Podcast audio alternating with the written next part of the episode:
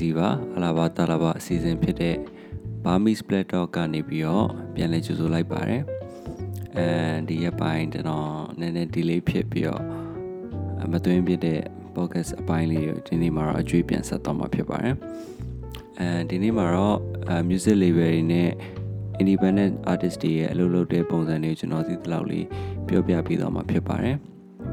ပထမဆုံးအနေနဲ့ကတော့အာ rapper တော်တော်များများနဲ့မစိမ့်တဲ့ Def Jam အကြောင်းစပြောဖို့စဉ်းစားမိပါတယ်နောက်ပိုင်းမှာတော့ဒီလက်ရှိကျွန်တော်တို့နိုင်ငံ independence artist တွေရဲ့အလုပ်လုပ်တဲ့ပုံစံလေးနဲ့ချိန်ကြည့်ပြီးတော့အာစဉ်းစားလို့ရအောင်ပေါ့နော်မျက်လုံးနဲ့ပြင်းမြင်လောက်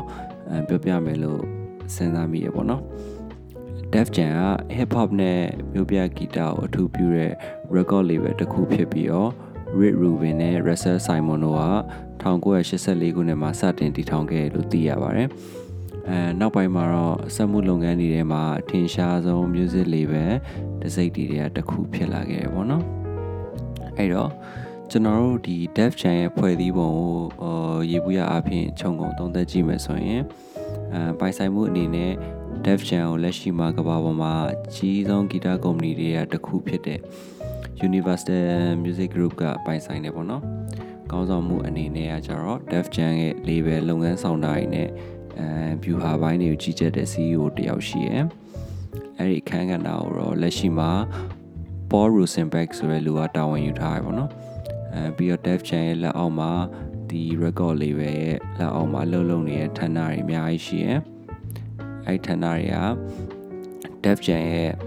အမှုပညာရှင်နဲ့အာတရုပ်ဖော်တဲ့ကဏ္ဍကိုဆောင်ရွက်တဲ့ ANR ဆိုတဲ့ department တစ်ခုရှိရယ် ပြီးတော့ဒီ marketing ဘိုင်းကိုတာဝန်ယူတဲ့ဈေးကွက်ချက်တွင်ခြင်း publicity ပြီးတော့ဥပဒေပိုင်းပြီးတော့ငွေကြေးနဲ့ဖြန့်ဖြူးခြင်းအပိုင်းတွေပေါ့နော်အဲ့လိုမျိုး label ရဲ့လုပ်ငန်းဆောင်တာအများကြီးကွဲပြားတဲ့ရှုထောင့်ပေါင်းများစွာကိုဂိုင်တွယ်ဌာနတွေအများကြီးရှိရပေါ့နော်အဲ့မှာ ANR ဆိုတဲ့ department ကကြတော့အမှုပညာရှင်အသစ်တွေကိုသူတို့ scout လုပ်တယ်အရင်ဆုံး scout လုပ်ပြီးတော့ အဲလက်မှတ်ရေးထိုးတယ်ပေါ့ assign လုပ်တယ်ပြီးရင်သူတို့ရဲ့ ANR ဆိုတဲ့ department ကအမှုဆောင်တွေကအဲအဲ့ဒီသူတို့ sign လုပ်ထားတဲ့အမှုပညာရှင်တွေရဲ့ vocal ရဲ့သူတို့အဲ stylish ဖြစ်အောင်လို့အဲပို့ပြီးတော့တိုးတက်လာအောင်လို့ကူညီရပေါ့နော်ပြီးတော့ဒီ recording process တွေ production ဘိုင်းတွေမှာလည်း ANR ကပဲကြီးကြပ်ပေးတယ်အဲ့ဟာလေးကတော်တော်လေး fine တယ်ဘာကြောင့်လဲဆိုတော့ ဟောဒီနိုင်ငံမှာကျွန်တော်တို့စီမှာအနုပညာရှင်တွေကို scout လုပ်ပြီးတော့အာလက်မှတ်ရေးထိုးပြီးတော့တကယ်အနုပညာရှင်တွေရဲ့ vocal ဘိုင်းတွေ production ဘိုင်းတွေကိုကူညီပေးရဲ့ department မျိုးအခုချိန်ထိတော့မတွေ့ဘူးအဲကျွန်တော်လည်းတတိမထားမိရဖြစ်မဲ့ထင်တယ်ဒါပေမဲ့မရှိဘူးလို့လည်းထင်တယ်ပြီးတော့ marketing ဘိုင်းပေါ့နော် အဲသူတို့ရဲ့ dev jam ရဲ့ marketing ဘိုင်းကဘယ်လိုသွားလဲဆိုရင်သူတို့အမှုပညာရှင်တွေရဲ့အဲ production တွေအဲအဲ့အရာတွေရဲ့ကြော်ညာတာတွေကိုတာဝန်ယူပေးရအဲ့မှာကြော်ညာရဲဆိုတော့ဘာပါလဲဆိုရင်သူတို့အဲကြော်ညာ campaign တွေဖန်တီးရပါမယ်ဗျာပြီးတော့ဒီစာနယ်ဇင်းပိုင်းတွေအထိသူတို့ပေါက်မြောက်အောင်ညှိနှိုင်းဆောင်ရွက်တဲ့ဟာတွေပါမယ်ပြီးတော့ social media ဘိုင်းရှိမယ်တခြား online platform တွေအဲ့လို online platform တွေများတော့အဲ့လိုမျိုးစီမံခန့်ခွဲတာတွေပါတယ် အဲ့လို marketing ဘိုင်းကတော့ကျွန်တော်တို့ဒီနိုင်ငံမှာလည်းရှိတယ်အဲဒါပေမဲ့အရန်ရောထိထိရောက်ရောက်တော့မဟုတ်ဘူးပေါ့နော်ဒီ marketing ကြော်ညာဌာနတွေက label က sign လုပ်ထားတဲ့လူပညာရှင်တွေနဲ့အဲသူတို့ label တာဝန်ရှိတဲ့သူတွေရဲ့အဲညွှန်ကြားချက်တွေနဲ့ပေါ့နော်အဲ့လိုမျိုးသူတို့အဲဒီလူပညာရှင်တွေရဲ့ပုံရိပ်ကိုအဲပုံဖော်ပေးတဲ့သူတွေဖြစ်တော့အရေးကြီးရဲ့အပိုင်းကဏ္ဍပါဝင်တယ်အဲ့အဲ့မီဒီယာတွေနောက်တစ်ပါလောက်ရလဲဆိုရင်သူတို့ ဒီ interview တွေရှိရယ် interview ဆိုရင်လည်း media interview ချင်တိုင်း view လို့မရဘူးသူတို့ request လုပ်ရတယ် marketing ဌာနကိုသူတို့ရဲ့အဲဒီ artist တွေကိုကျွန်တော်တို့အဲ interview လုပ်ချင်တယ်ပေါ့နော်အဲ့လိုမျိုး communication ဘိုင်းတွေကိုစီမံခန့်ခွဲတဲ့အပိုင်းတွေလည်းပါတယ်နောက်ပြီးတော့ဥပဒေရေးရာဒီအဲ့ဌာနကြတော့စာချုပ်စာချုပ်နဲ့ပတ်သက်တဲ့ညှိနှိုင်းမှုတွေမူပိုင်ခွင့်တွေပြီးတော့ label ရဲ့ အဲအမှတ်တစိမ့်နဲ့ဆိုင်နေပေါ့နော်သူတို့ label နဲ့ဆိုင်တဲ့ပြဿနာရှိမယ်ပြီးတော့တရားစွဲဆိုခံရတာတို့သိရမလားအရှုပ်ရှင်းနေပေါ့နော်အဲ့လိုမျိုး label ရဲ့လုပ်ငန်းဆောင်တာတွေနဲ့ပြီးတော့ပတ်သက်တဲ့အမ်ကိစ္စကြီးအဝဝအထွေထွေဥပဒေရေးကိစ္စတွေကိုကင်တွယ်ပေးရပါဘောနော်ပြီးတော့ဒီ finance ဘိုင်းဆိုလဲအဲကုမ္ပဏီတိုင်းမှာရှိရပါတော့ဒီဟာတွေကငွေကြေးနဲ့ပတ်သက်တဲ့စည်ရင်းကိုင်းတာတွေအဲ့လိုမျိုးပါညာတစိမ့်နဲ့ဒီ level နဲ့ပတ်သက်တဲ့ဟာတွေ အဲဘန်ဒါကြီးရဲ့စီမံခန့်ခွဲမှုပေါ့နော်အဲ့လိုမျိုးဟာတွေရှိရယ်ပြီးတော့ distribution တွေရှိရယ် distribution ကကြတော့ဒီအဲကျွန်တော် CDs တွေ file တွေပေါ့နော်အဲ့လို physical တွေထုတ်တဲ့ဟာတွေရှိမယ်ပြီးတော့ digital platform တွေကိုဟိုတိုက်ရိုက်ဝန်ဆောင်မှုပေးပြီးတော့ဖြန့်ဖြူးပေးရရှိမယ်ပြီးတော့ online store တွေကနေရောင်းတဲ့ဟာတွေပေါ့နော်အစအစသဖြင့်အများကြီးရှိရသူတို့မှာ channel တွေအများကြီးရှိရပေါ့နော်အဲ့လိုမျိုးဖြန့်ဖြူးရဲ့ဘိုင်းတွေရှိရပုံမှန်အပြင်တော့ဒီ dev chan ရဲ့အမ် artist တွေပေါ့နော်သူတို့ရဲ့ artist တွေကိုသူတို့ဘယ်လိုမျိုးအရင်ရှင်းရှိလဲသူတို့ scout လုပ်တယ် scout လုပ်ပြီးသူတို့ sign လုပ်တယ် sign လုပ်ပြီးသွားရင်ဒီနည်းပညာရှင်တွေလက်တွဲပြီးတော့သူတို့အာတချင်းတွေပိုကောင်းအောင်လုပ်တယ်ပြီးတော့ဈေးကွက်ရှာဖွေတဲ့ဟာတွေလုပ်တယ်ကြော်ညာတွေမီဒီယာတွေနဲ့ဆက်ဆံတာရှိရယ်ပြီးတော့သူတို့ရဲ့မူပိုင်ခွင့်တွေနဲ့ပတ်သက်ပြီးတော့ဥပဒေရေးရာနဲ့ပတ်သက်ပြီးတော့သူတို့ထိမ့်သိမ်းတဲ့ဟာတွေထိမ့်သိမ်းတယ်ပြဿနာတွေဖြစ်လာရင်လည်းဖြေရှင်းတယ် အဲပြီးတော့ပတ်စံရလာတဲ့အခါမှာလည်းဘယ်လိုမျိုးခွဲဝေမလဲဆိုရယ်ဘန်ဒါရေးရှူတောင်းတွေပြီးတော့ distribution တွေအများကြီးပါပါတော့အဓိကတော့သူတို့ရဲ့ artist တွေကိုအရေးရှင်းရှိအဲ artist တွေကိုပြီးတော့မြင့်တင်တဲ့အပိုင်းတွေပေါ့နော်အဲ့မှာကျွန်တော်ဘာသွားတွေ့ရလဲဆိုရင်အဲအများသောအားဖြင့်ဒီ marketing လို့ဒီ finance ဘိုင်းတို့တော့ဒီကျွန်တော်တို့စီမှာလည်းအဲ independent artist တွေ agency တချို့နဲ့လက်တွဲပြီးတော့လုပ်နေရရှိတယ်အဲပြီးတော့ဒီတခြားပေါ့နော် တခြားအပိုင်းတွေမှာတော့နည်းနည်းလေးအားနည်းနေရလေးရှိတယ်အဲ့လို ANR ဘိုင်းပေါ့နော်ဒီ artist တွေနဲ့ပတ်သက်တဲ့ talent အသစ်တွေရှာဖွေတဲ့အပိုင်းတွေအဲ့အမျိုးတွေကကျွန်တော်တို့ဒီမှာ record label ကလည်းမရှိသလောက်ရှားတဲ့အခါကျတော့ဒီ artist တွေ talent အသစ်တွေကိုရှာဖွေဖို့ဆိုတာအဲ department တီးတိုင်တစ်ခုကြီးခွဲပြီးတော့ဝန်ထမ်းတွေခန့်ပြီးတော့အလုပ်လုပ်ဖို့ဆိုတာကိုအာယုံစိုက်ပြီးတော့လုပ်လေလုပ်ထားမရှိကြဘူးเนาะအဲ့တော့ ကျွန်တော်တို့စီမှာကပုံမှန်အားဖြင့် independent artist တွေများတယ်အဲတယောက်တည်းကိုယ့်အကူပါမစုအကုန်လုပ်ရတဲ့ဟာမျိုးဖြစ်လာပါတော့အဲ့ဒါက ANR အပိုင်းမှာကျွန်တော်တို့ဒီသူတို့ရဲ့အလုပ်လုပ်ပုံတွေသူတို့ရဲ့အဲသွားတဲ့ ways တွေကိုနည်းနည်းလေးပို့ပြီးတော့ queue site ပြီးတော့လေ့လာပြီးတော့ဒီဘက်မှာ develop ဖြစ်လာရင်ကောင်းမယ်လို့ထင်တယ်။ဘာကြောင့်လဲဆိုတော့အာ independent artist တွေနဲ့မတူတဲ့ချက်က label artist ဖြစ်ပြီဆိုတာနဲ့ label က record record မှာသူ record အတွက်အလုပ်လုပ်ပေးရဖြစ်တဲ့အတွက် artist အတွက်လည်းပြန်ပြီးတော့အလုပ်လုပ်ပေးဖို့လိုအပ်တယ်လို့ထင်တယ်ပေါ့နော်အဲသူသဖြင့်ဒီ scouting talent ပေါ့အဲ့လိုမျိုးပိုင်းနေမှာဆိုရင်သူ commercially success ဖြစ်မယ်ဆိုရင်အနုပညာရှင်တွေဆိုရင်အဲတိတာရပေါ့နော်တိတာရဲဆိုရင်သူတို့ဒါထင်လာပြီး commercially သွားမယ်အပိုင်းနေမှာပေါ့နော်စီးပွားရေးနဲ့ပတ်သက်တဲ့ အပိုင်းနေမှာသူတို့ဒီ ANR ကနေပြီးတော့အနုပညာရှင်တွေရဲ့ development အတွက်သူတို့ missing တွေတခြားဒီ production ဘိုင်းတွေအားလုံးကိုသူတို့လိုက်ပြီးတော့ထောက်ပံ့ပြီးကူညီပေးရပေါ့နော်ဒီအပိုင်းတွေကဟိုကျွန်တော်စီမှာလည်းလိုအပ်တယ်ကျွန်တော်တို့နိုင်ငံမှာလည်းဒါမျိုးတွေ development တွေဖြစ်လာရင်ကောင်းမယ်ပေါ့နော်အဲအဲ့လိုမျိုးတွေမြင်မိရဒီဟာကအာစာချုပ်စာတမ်းကိစ္စညှိနှိုင်းရတဲ့ဟာတွေ တည်ရမလားအမှုပညာရှင်တွေရဲ့အသက်မွေးဝမ်းကြောင်းဆိုင်တဲ့ဒီတခြားစီးပွားရေးကိစ္စတွေကိုကင်တွယ်တဲ့အခါမှာလည်းအရေးကြီးရယ် artist ကိုယ်တိုင်အားလုံးလိုက်လို့နေစရာမလိုဘူးပေါ့နော်သူတို့ရဲ့ဒီ label ရဲ့သဘောတူညီချက်တွေရှိရဲစာချုပ်စာတမ်းတွေရှိရဲအဲအဲ့လိုမျိုးဟာတွေနဲ့ညှိနှိုင်းထားတာဖြစ်တဲ့အတွက်ဒီတရားဝင်ကိုကိုယ်တိုင်ကိုယ့်ရဲ့အဲရပိုင်ခွင့်တွေတည်မယ်အဲကိုယ့်ရဲ့အဲပြီးတော့ဒီဆုံးရှုံးနေတာမှုတွေကိုတည်နိုင်တယ်ပေါ့နော်အဲ့တော့ဒီ ရေဘူးရအပြင်ကြည့်မယ်ဆိုရင်တော့ဒီ ANR department ကအဲ dev jam မှာအရေးကြီးတဲ့အပိုင်းပြီးတော့ဒီ record label မှာအရေးကြီးတဲ့အပိုင်းအနေနဲ့ပါဝင်တယ်ပေါ့နော်ကျွန်တော်လေ့လာမိသလောက်ဒီ Def Jam ကိုပိုင်းတဲ့ Universal Music Group ဆိုရင်သူ့အောက်မှာ record label 20ကျော်21ခုလောက်ရှိတယ် Def Jam အပြင်ပေါ့နော်ဒီလိုမျိုး label တွေအများကြီးကိုသူတို့ထိန်းချုပ်ပြီးတော့ control လုပ်ရတဲ့အခါမှာလည်းသူတို့အတက်နိုင်ဆုံး အကောင်းဆုံးဖြစ်အောင်အဲဒီလုပ်ငန်းအပိုင်းရအောင်အများကြီးပေါ့နော်လုပ်ရမှာတော်တော်လေးကိုခက်ခဲတဲ့အလုပ်ဒါပေမဲ့အာကောင်းမွန်စွာပဲပေါ့နော်သူတို့ဒီ industry အတွက်ကောင်းမွန်စွာပဲလှုပ်လှုပ်နိုင်ကြတယ်အဲ့တော့နောက်တစ်ခုအနေနဲ့ကျွန်တော်စဉ်းစားမိတာဘာရှိလဲဆိုတော့ဒီ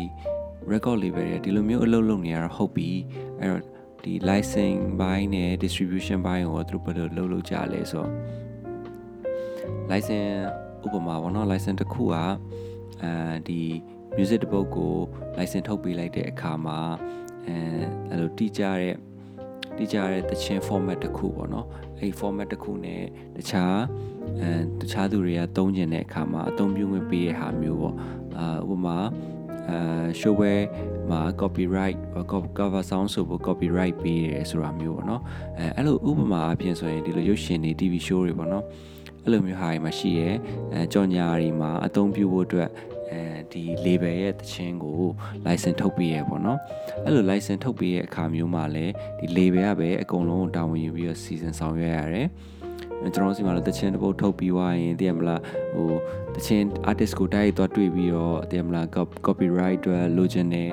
အဲ copyright အတွက်ကျွန်တော် cover sound ဆိုခြင်းနဲ့ဆိုတာမျိုးကိုလုပ်เสียမလို့ပေါ့เนาะအဲ့တော့ဒီ record ရဲ့ record label ရဲ့ license သဘောတူညီချက်အားလုံးမှာဒီသူတို့ရဲ့အသုံးပြုရမယ့်စီကံစီမင်းတွေပါတယ်ပြီးတော့ပတ်စံပေးချေရမယ့်အဲကိစ္စတွေအဲ license နဲ့ပတ်သက်တဲ့အခြားအသေးစိတ်ချက်လက်တွေအကုန်လုံးပါတယ်ပေါ့နော်အဲ့ဒါလည်းဒီ music label တစ်ခုကပဲကောင်းမွန်စွာတေချာထိမ့်သိမ်းဆောင်ရှောက်ပြီးလုပ်ပေးရမယ့်ကိစ္စတွေပေါ့နော်နောက်တစ်ခုကဒီ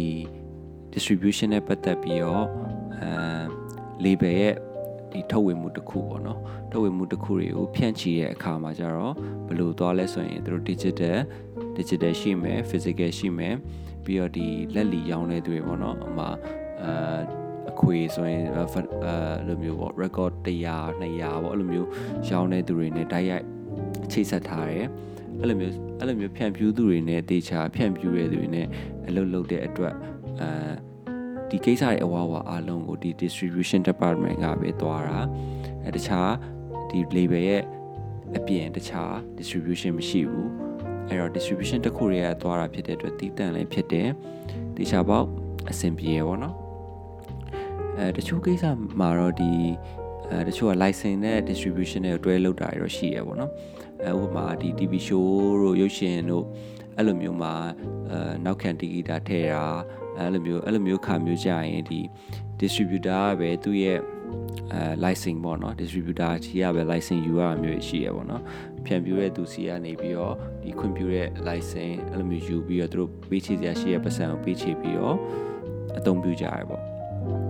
အဲ့တော့ဒီဒီရရှိရဲ့ဝင်ငွေစုစုကိုလည်းဒီ record label အောက်မှာရှိ artist တွေ recording ဘိုင်း process ဘိုင်း production ဘိုင်းသွားတဲ့ artist တွေကိုအကုန်လုံးကိုပဲဒီ finance department distribution ကနေပြီးတော့သွားပြီးတော့ပြန်ပြီးတော့အတီးတီးခွဲဝေပြီးတော့ systematically အလုပ်လုပ်ကြတယ်အဲ့တော့အားလုံးအတွက် win win situation အကုန်လုံးအဆင်ပြေတယ်ဒီ license နဲ့ distribution ကဒီ license ဆိုရင်လည်း license မှာသူ license မှာပေးချေရမယ့်အခါချင်းငွေသတ်မှတ်ထားတဲ့ဟာရှိရယ် အဲ့အဲ့ခါမှာကျတော့သူဒီအပိုဝင်ငွေပေါ့နော်တခြားဒီတချင်းထုတ်တဲ့အပြင်တချင်း distribution လုပ်တဲ့အပြင်ဒီအပိုဝင်ငွေရတဲ့ဟာမျိုးတွေလည်း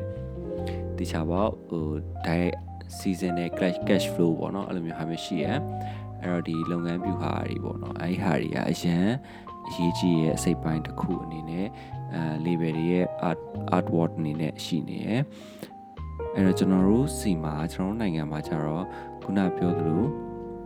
အဲ့လိုမျိုး label တွေမရှိတဲ့အခါကျတော့အကုန်လုံးက artist တွေအကုန်လုံး independent ဖြစ်တယ်အဖြစ်တဲ့အခါကျတော့ copyright နဲ့ပတ်သက်ရင်တော်တော်များများစိတ်စိတ်ရှုပ်ရတယ်ပေါ့နော်ကိုတချင်းကိုဘယ်သူကအဲဘယ်စားတော့ဆိုင်မှာဆိုရဲဆိုတာမျိုးသိရမလားကိုယ့်ရဲ့ခွင့်ပြုချက်ရလားမရလားမသိအဖန်တီးသူရဲ့ခွင့်ပြုချက်ရလားမရလားမရှိပဲနဲ့အဲဒါမျိုးဟိုစီးပွားစီးပွားပြလုပ်ငန်းတွေနဲ့ ဆက်ဆံရတဲ့အခါမှာခက်ခဲတွေ့ရရှိရယ်အဲ့လိုမျိုးအဲ့လိုမျိုးဟာတွေကလည်းတကယ်ကာကွယ်နိုင်ဖို့ဆိုရင်ကျွန်တော်တို့ဒီ record label တွေကောင်းမွန်စွာဖွဲ့စည်းထားတဲ့ department တွေနဲ့အတူတူအလုပ်လုပ်မှအဆင်ပြေမယ်လို့ထင်တယ်ဒါကြောင့်လည်းကျွန်တော်ဒီ dev jam ရဲ့အဲလုပ်ငန်းစဉ်သူတို့လုပ်သူတို့ဘယ်လို organize လုပ်လဲသူတို့ဘယ်လိုမျိုး artist တွေနဲ့ connection ရှိလဲဆိုတာမျိုးကိုတစ်ချက်ပြန်ပြီးတော့လေ့လာကြည့်ရပါတော့။အဲ့မှာကျွန်တော်သိတဲ့လောက်က ဒီ department တွေအကုန်လုံးကသူတို့ရဲ့တာဝန်တွေတစ်စိတ်တစ်ပိုင်းမှာအရေးကြီးရယ်အကုန်လုံးအလုံးအကုန်လုံးတေချာလုံးမှပဲဒီဒီအဖွဲ့အစည်းတစ်ခုပေါ့နော် Def Jam ဆိုလဲ Def Jam တခြား music label ဆိုလဲတခြား music label တွေစသဖြင့်အောင်မြင်လာမှာဖြစ်တယ်ပေါ့နော်အဲ့လိုမျိုးဆိုတော့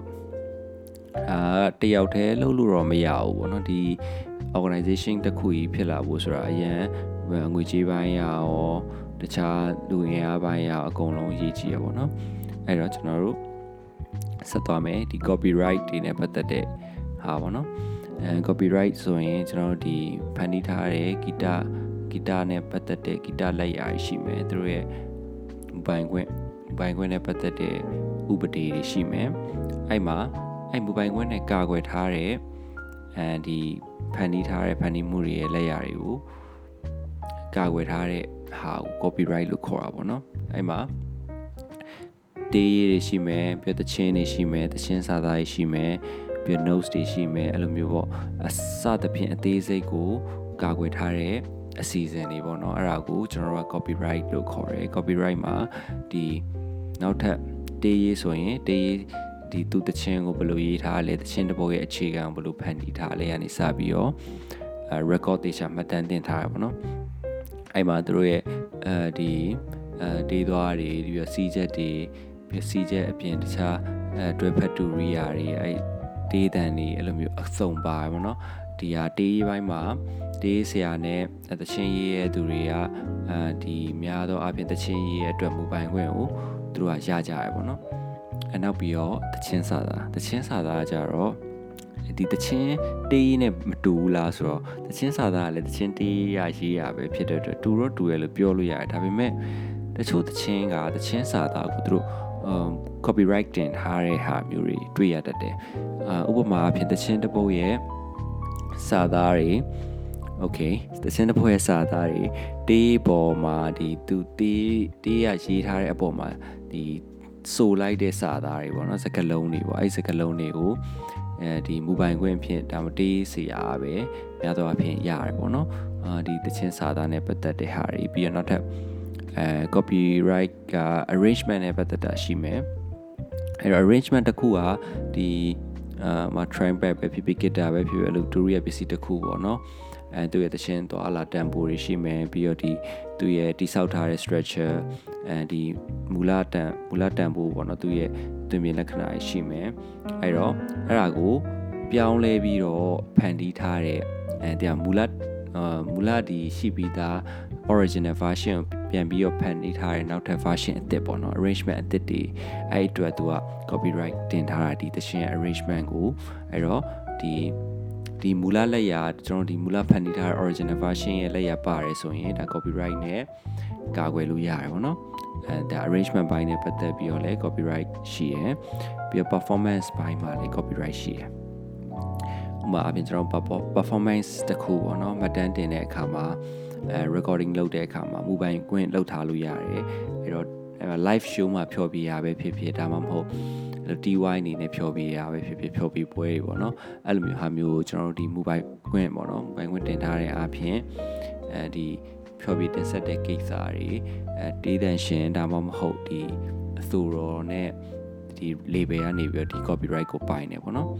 အဲ performance တွေနဲ့ပတ်သက်ပြီးတော့လည်း record label တွေကအလုပ် performance copyright နဲ့ပတ်သက်ပြီးအလုပ်လုပ်ပြီးရပြီးတော့မှနောက်ထပ် royalties ပေါ့နော် အဲဒီ copyright ကနေပြီးတော့ဂီတဖန်တီးရဲ့သူတွေကိုပြန်ပြီးတော့အာပြန်ပေးတဲ့ fees တခုပေါ့ royalty fees ကသူကအဲဒီ artist တွေရဲ့ဖန်တီးမှုတွေကိုကာကွယ်ဖို့အတွက်ဒီထိန်းချုပ်ဖို့အတွက်တည်တံ့အခွင့်အရေးတစ်ခုအနေနဲ့ပေးထားတဲ့ royalty ဆိုတာရှိရယ်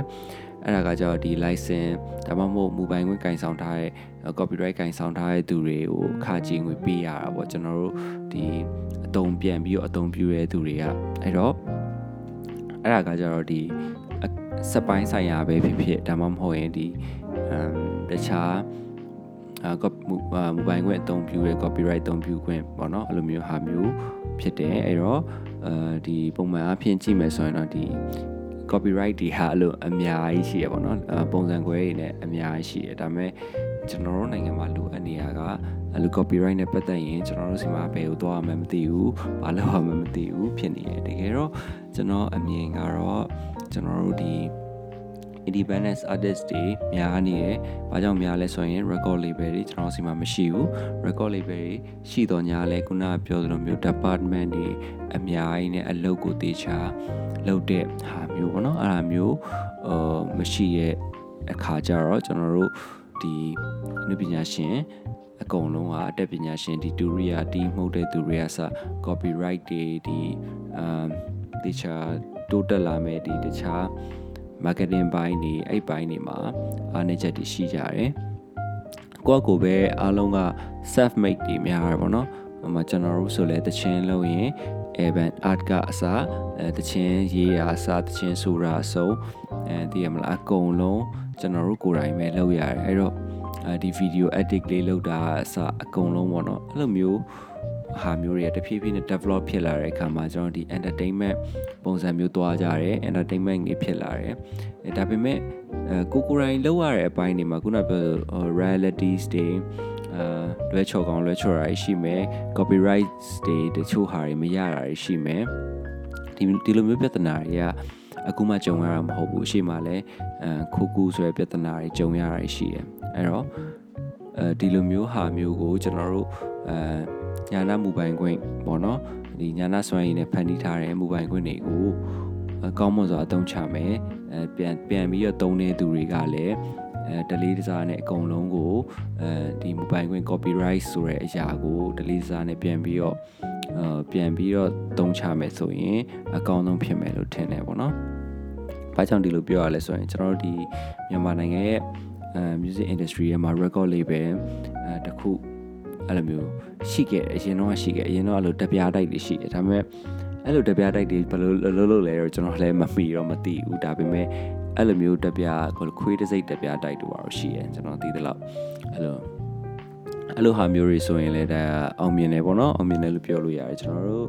ဒီအခုနောက်ပိုင်းမှာတော့ record label ဆိုဒီမှာအဲသိရမလား agency အလုပ်လောက်ပဲလုပ်လို့မရဘူး agency တွေကတော့ဟိုဥပမာအပြင် streaming အဲဒီ streaming တွေပေါ့ဒါမှမဟုတ် platform တွေပေါ့အာဖြန့်ဖြူးရဲ့ distribution ဘိုင်းလောက်ကိုတာဝန်ယူတာမျိုးတာဝန်ယူပြီးတော့ကျွန်တော်တို့ဒီ artist တွေစီက percentage တစ်ခုအနေနဲ့သူတို့ကပြန်ပြီးတော့ပြန်ယူတာမျိုးပေါ့နော်အဲ့လိုမျိုးဟာမျိုးရှိတယ်ဒါပေမဲ့အဲ့ဒီဟာရတကယ်တမ်းမှာတော့အလုပ်ဖြစ်တယ်လို့ကျွန်တော်ကမထင်ဘူးဘာကြောင့်လဲဆိုတော့ artist တွေအနေနဲ့ကြည့်ရင်အကုန်လုံးဒီ self made တချင်းကနေအစားတချင်းအခွေထွက်တဲ့အထီအကုန်လုံးဒီ self made ဖြစ်နေရောအဲအမှန်တိုင်းပြောရင် artist ကတချင်းဆိုယုံနဲ့ ဆိုတော့ဖြစ်နေရမဟုတ်ဘူးတကယ်တမ်းသူတို့အကုန်လုံးဖန်တီးနေရတာဖြစ်တဲ့အတွက်သူတို့ကဝန်တော့ဝင်ဖို့ပူကြီးမားတယ်ပေါ့နော်ဒါပေမဲ့တကယ်တမ်းပတ်စံရလာတဲ့အခါမှာဒီ streaming income ဆိုတာကအများကြီးဟုတ်ချင်မှဟုတ်မယ်ဒါ monetization ဆိုတာအများကြီးဟုတ်ချင်မှဟုတ်မယ်အဲ့လိုမျိုးဒါတွေကို distribution အနေနဲ့အဲတာဝန်ယူပြီးတော့လုပ်နေတဲ့ agency တွေကိုပြန်ပြီးတော့ percentage percentage တစ်ခုအနေနဲ့ပြန်ပေးရတာမျိုးဆိုတာကအာမဖြစ်သင့်ဘူးလို့ထင်တယ်ဒါပေမဲ့ ခုနပြောဒါကတော့ဟိုအကုန်လုံးသဘောတူချင်တယ်လို့လုပ်နေကြမျိုးလည်းရှိရပါတော့အဲ့တော့အဲ့ဒါနဲ့ပတ်သက်ပြီးတော့ true true တော့ပြောချင်တာမရှိဘူးဒါပေမဲ့ဆိုလိုချင်တဲ့အဓိပ္ပာယ်ကကျွန်တော်တို့စီမှာအာ artist တွေအတွက်အလုပ်လုပ်တယ်ဆိုရင်တကယ် artist တွေစီက percentage တစ်ခုယူထားတယ်ဆိုရင်တခြားလေးအလုပ်လုပ်တာကတော့ပို့ပြီးတော့အဆင်ပြေမယ်လို့ထင်တယ်။ဘာကြောင့်လဲဆိုတော့ဒီ agency အနေနဲ့ကလည်းဒီ artist စီက သူတို့ရဲ့ဖန်တီးမှုညာနာစွမ်းရည်ပေါ်မူတည်ပြီးတော့အဲ့ကနေရတဲ့ percentage တွေကတယောက်တည်းတဦးတယောက်တည်းမဟုတ်အများကြီးဖြစ်တဲ့အတွက်ဒါအများကြီးပြန်ရကြတာပဲလीเนาะကျွန်တော်တို့ကဒီတခြင်းလေးကိုပြင်မလားသူတို့ရဲ့ email တွေကိုပို့ပေးလိုက်တာနဲ့သူတို့ကဟိုမှာ distribute လုပ်ပေးလိုက်တာနဲ့အဲ like A&R department လိုမျိုးဟို effort တွေမပါဘဲနဲ့ဒီကြားရဲ့ artist တွေက percentage တစ်ခုရနေရဆိုတာတော်တော်လေးကိုကောင်းတဲ့အခြေအနေလို့ပြောလို့ရတယ်ပေါ့နော်